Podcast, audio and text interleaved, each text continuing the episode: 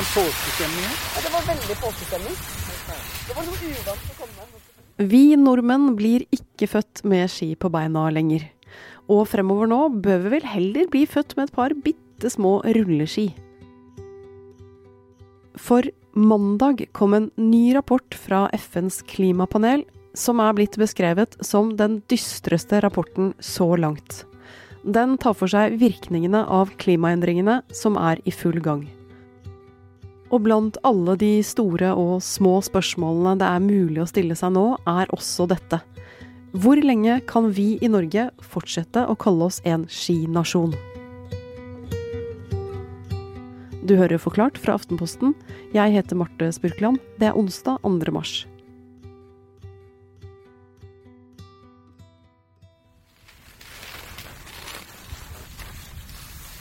Nå står vi på ved Skulderudstua i Oslo. Her er det ikke snø i realiteten. For rett borti skogen her så ser du at det er vår. Eh, nå skulle det liksom vært en meter snø, halvannen meter snø. Hvis vinteren hadde vært sånn som den var da jeg var fem år. Sånn hørtes det ut da Forklart Jenny Førland var på en bitte liten skitur med Aftenpostens klimareporter Ole Mattismoen forrige uke. Ole har dekket klimaendringene like lenge som de har vært et tema i samfunnsdebatten, og er nå spesielt opptatt av hva oppvarmingen av klimaet vil ha å si for hans fem år gamle sønn. Og Jenny er praktikant i Forklart denne våren. Jenny, du er jo født i 1997. Var det med eller uten ski på beina? Da jeg var liten, så var jeg nok en racer på ski. Men uh, det begynner å bli en del år siden jeg var god. Og så har jeg jo også vokst opp i Telemark, og der har det jo vært ganske mye snø, og jeg har hatt mye ski i, i barndommen. Eh, og så kom jeg også fra et sted hvor det ikke var helt uvanlig at folk satsa på ski, selv om jeg ikke gjorde det. Men jeg kunne jo gjøre masse andre ting i snøen, f.eks. snøballkrig og snøhule. Og det skal jo litt til å lage en snøhule i boligfeltene nå. Så det har fått meg til å tenke litt. Sånn Ole leser klimaforskernes rapporter, kommer det fram at uh, vinteren i Norge kommer til å endre seg ganske mye. Og i hvert fall i noen deler av landet. Altså, i, i fjellet, i høyden, så kommer det til å være snø veldig lenge.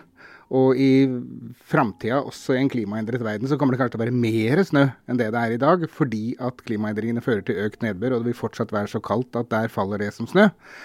Men det gjør det ikke i lavlandet, langs kysten eh, i Oslo.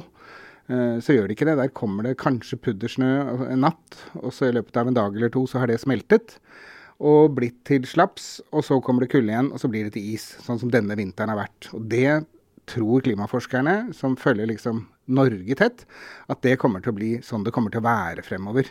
Vi, vi får ikke den type snørike, lange vintre, i, hvert fall ikke i Oslo og de lavere delene av marka, som det vi hadde før. Rapporten fra FNs klimapanel som kom mandag denne uka, er del to av en serie på fire rapporter, som til sammen skal bli panelets sjette hovedrapport om klimaendringene. Delrapport nummer to dreier seg om konsekvensene av klimaendringer. Hva fører det til av endringer på, i korallrevene, i vinteren i Norge, i, for bøndene i Middelhavet? Nå er det liksom konsekvensene. Og hva sier den rapporten her om konsekvensene? Hovedbudskapet deres er veldig dramatisk. De sier at siden forrige rapport, som kom i 2014, så har i grunn nesten alt blitt verre. Vi har dårligere tid enn de da trodde vi hadde, og stadig nye endringer som de observerer i naturen, enten fra de dypeste hav til de høyeste fjelltopper og i alle byer. Det er de sikrere og sikrere skyldes global oppvarming. Altså det er klimaendringer. Eh, også, men det som er viktig, da, det er at klimapanelet også på en måte gir vei, de gir en vei om hvordan vi skal komme videre og ut av dette her. Og, og det nye denne gangen, det er at de i denne delrapport 2 også bruker mye tid på tilpasning. Altså hvordan vi må tilpasse oss den verden som kommer, den, oppvarmede verden. Og et av de aller, aller viktigste tilpasningstiltakene de anbefaler, det er at vi må ta vare på resten av naturen vår. Vi må slutte å ødelegge natur, rett og slett. Det er liksom hovedbudskapet. Og vi må reparere mye av den naturen vi allerede har ødelagt. For å redde klimaet trenger vi nemlig naturen. Bl.a. til å binde og lagre CO2. Og natur kan også brukes som fysisk hjelp mot de klimaendringene som kommer. Da den forrige delrapporten kom for et halvt års tid siden, da fikk vi kode rød fra klimapanelet. Hva har verden gjort siden da? Siden da har verden møttes på klimakonferanse i Glasgow. Og så har verdens ledere de bestemte at de står ved løftet om å prøve å begrense klimaendringene til 1,5 grader. Og i hvert fall ikke høyere enn 2 grader. Altså det som ligger i denne Parisavtalen. da.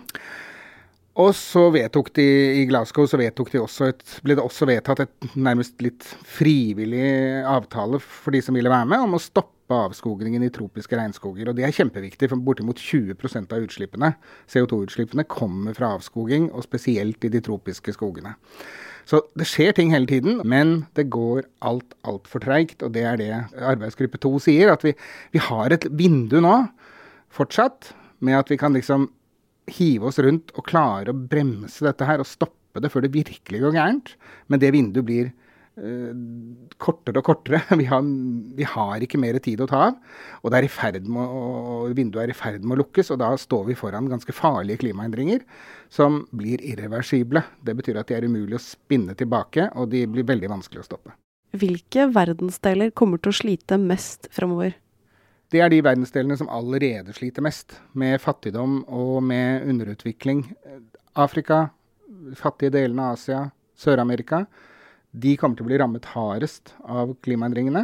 Og, og ikke forglemme Stillehavsregionen med lavtliggende øyer, som jo med uh, den, den, varslede havnivåstigningen kommer til å måtte forsvinne. Mange av de øyene, eller folk må flytte derfra.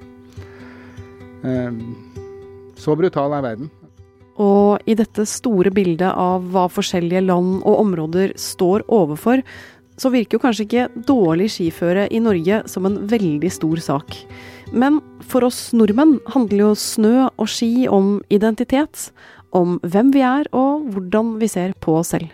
Min bekymring går på sånn Vil fremtidens norske barn tenke at ski er en naturlig del av det å være norsk? De som vokser opp i byene og langs kysten. Eh, det er jeg veldig usikker på. De vil være avhengig av foreldre som er veldig ivrige og kjører til fjells ofte og lærer dem det der. Og mange vil gjøre det. Men det blir ikke en så naturlig del av det å vokse opp og være barn. I, i en by som Oslo, langs hele kysten, deler av Innlandet. Um, det har vært en uh, Det har vært en drøm siden jeg var ei lita jente. Sånn hørtes det ut etter at Therese Johaug hadde tatt sitt første individuelle OL-gull 5.2 i år. Men hvis snøen forsvinner over store deler av landet vårt de neste årene, hvor mange flere slike gledestårer og jubelbrøl blir det i fremtiden? Hva vil skje med vinterlandet Norge?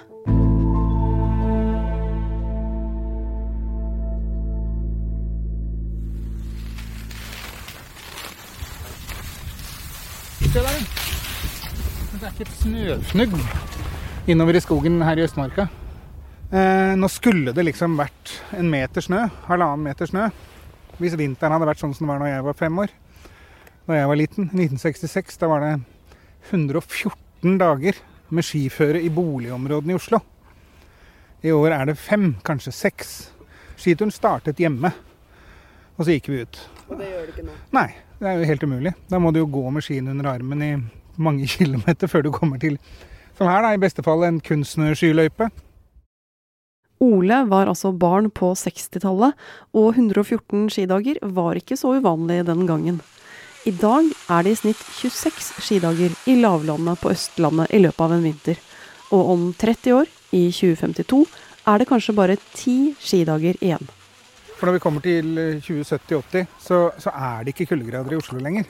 Og da, må du, da blir skiaktivitet noe som enten er veldig kostbart fordi det er dyrt å lage den kunsten, eller så må du gjøre det innendørs. I sånne haller. Og det har jo dukket opp rundt i Oslo-området allerede. Men jeg tror liksom ikke at det er en sånn masseidrett. Det blir for de spesielt interesserte. Ole, hvis snøen blir vanskelig å finne fremover, kan det bli et klasseskille mellom hvem som får gått på ski og hvem som ikke får gjort det? Jeg skal være litt forsiktig med å bruke det ordet, men, men, men eh, de som i hvert fall har økonomi til å enten ha en hytte eller har råd til å leie seg inn på hotell, ja, de, de vil ha det tilgjengelig hvis de vil, og hvis det er viktig for dem. Og det er barna deres som kommer til å få et forhold til snø, mens barna til de som ikke vil eller ikke har økonomi til å reise, eh, vil ikke få det samme forholdet. Og da spørs det om interessen for skigåing i OL kommer til å fortsette å være like høy som i dag. Så hvis du da elsker å gå på ski, så gjelder det å utnytte den lille tida du har nå. I hvert fall om du ikke bor på et typisk høyereliggende strøk i Norge. Og også nordpå ser vi konsekvensene av det nye klimaet. Finnmark har allerede passert 1,5 graders oppvarming, eh, når man ser det i et klimaperspektiv over flere år. På Svalbard er det blitt fire, grader varmere de siste ti årene, i snitt. På Svalbard så betyr det jo bl.a. at en del av nedbøren vinterstid faller som regn også på Svalbard. Det fører til at når det da blir kaldt igjen, så legger det seg en sånn islag over naturen. Og det fører igjen til at f.eks. reinsdyrene som er avhengig av å beite på å grave i snøen og beite, de, de klarer ikke å komme ned til snøen. Det er ikke bare skientusiastene som kommer til å merke effekten av et helt annet vinterføre fremover, altså. Men ute i naturen finner Ole likevel et lite håp til oss. Så mye barfrost som det har vært i vinter, så kanskje vi er heldige at uh, brunskogsneglen har fått seg en knekk. For den, den sikreste måten at den ikke klarer seg på i store mengder, det er at at det er skikkelig kaldt om, om vinteren uten at det er mye snø. For da fryser eggene i hjel. Ok, så det er en glede i et ellers ganske mørkt bilde. Men som vanlig er jo klimareporter Ole også opptatt av å søke håpet. For det fins jo fortsatt tiltak som virker, og det fins tilpasninger vi kan gjøre for å klare oss best mulig i en varmere verden.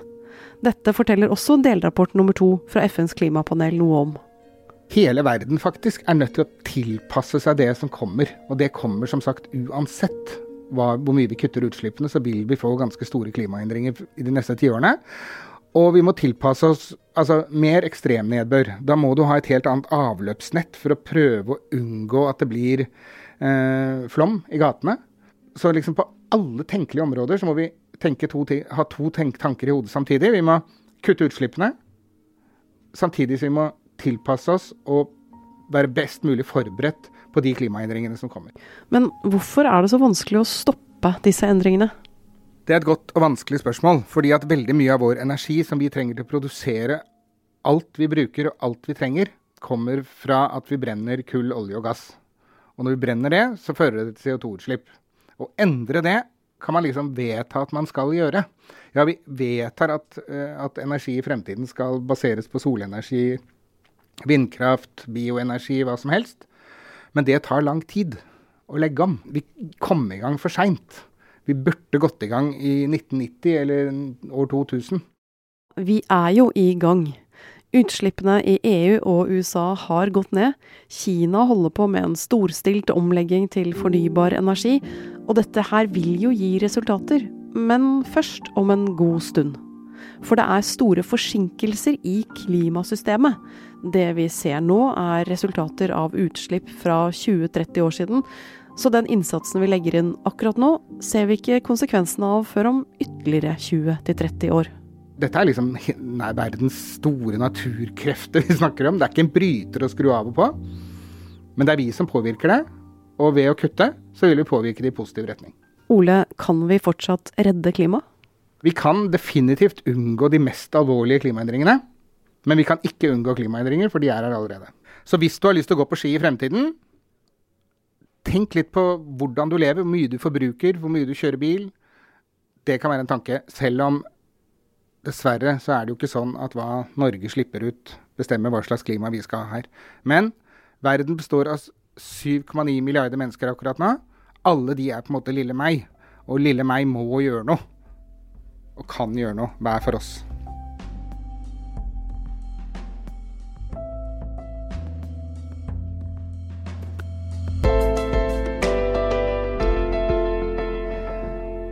Du har hørt Ole Mattismoen om klimarapport og klimakonsekvenser.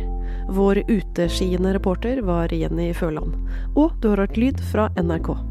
Denne episoden er laget av Jenny Føland, Friden Næss Nonstad og meg, Marte Spurkland. Resten av Forklart er Synne Søhol, Ulla Kristine Rafaelsen, David Vekoni, Anne Lindholm og Anders Weberg.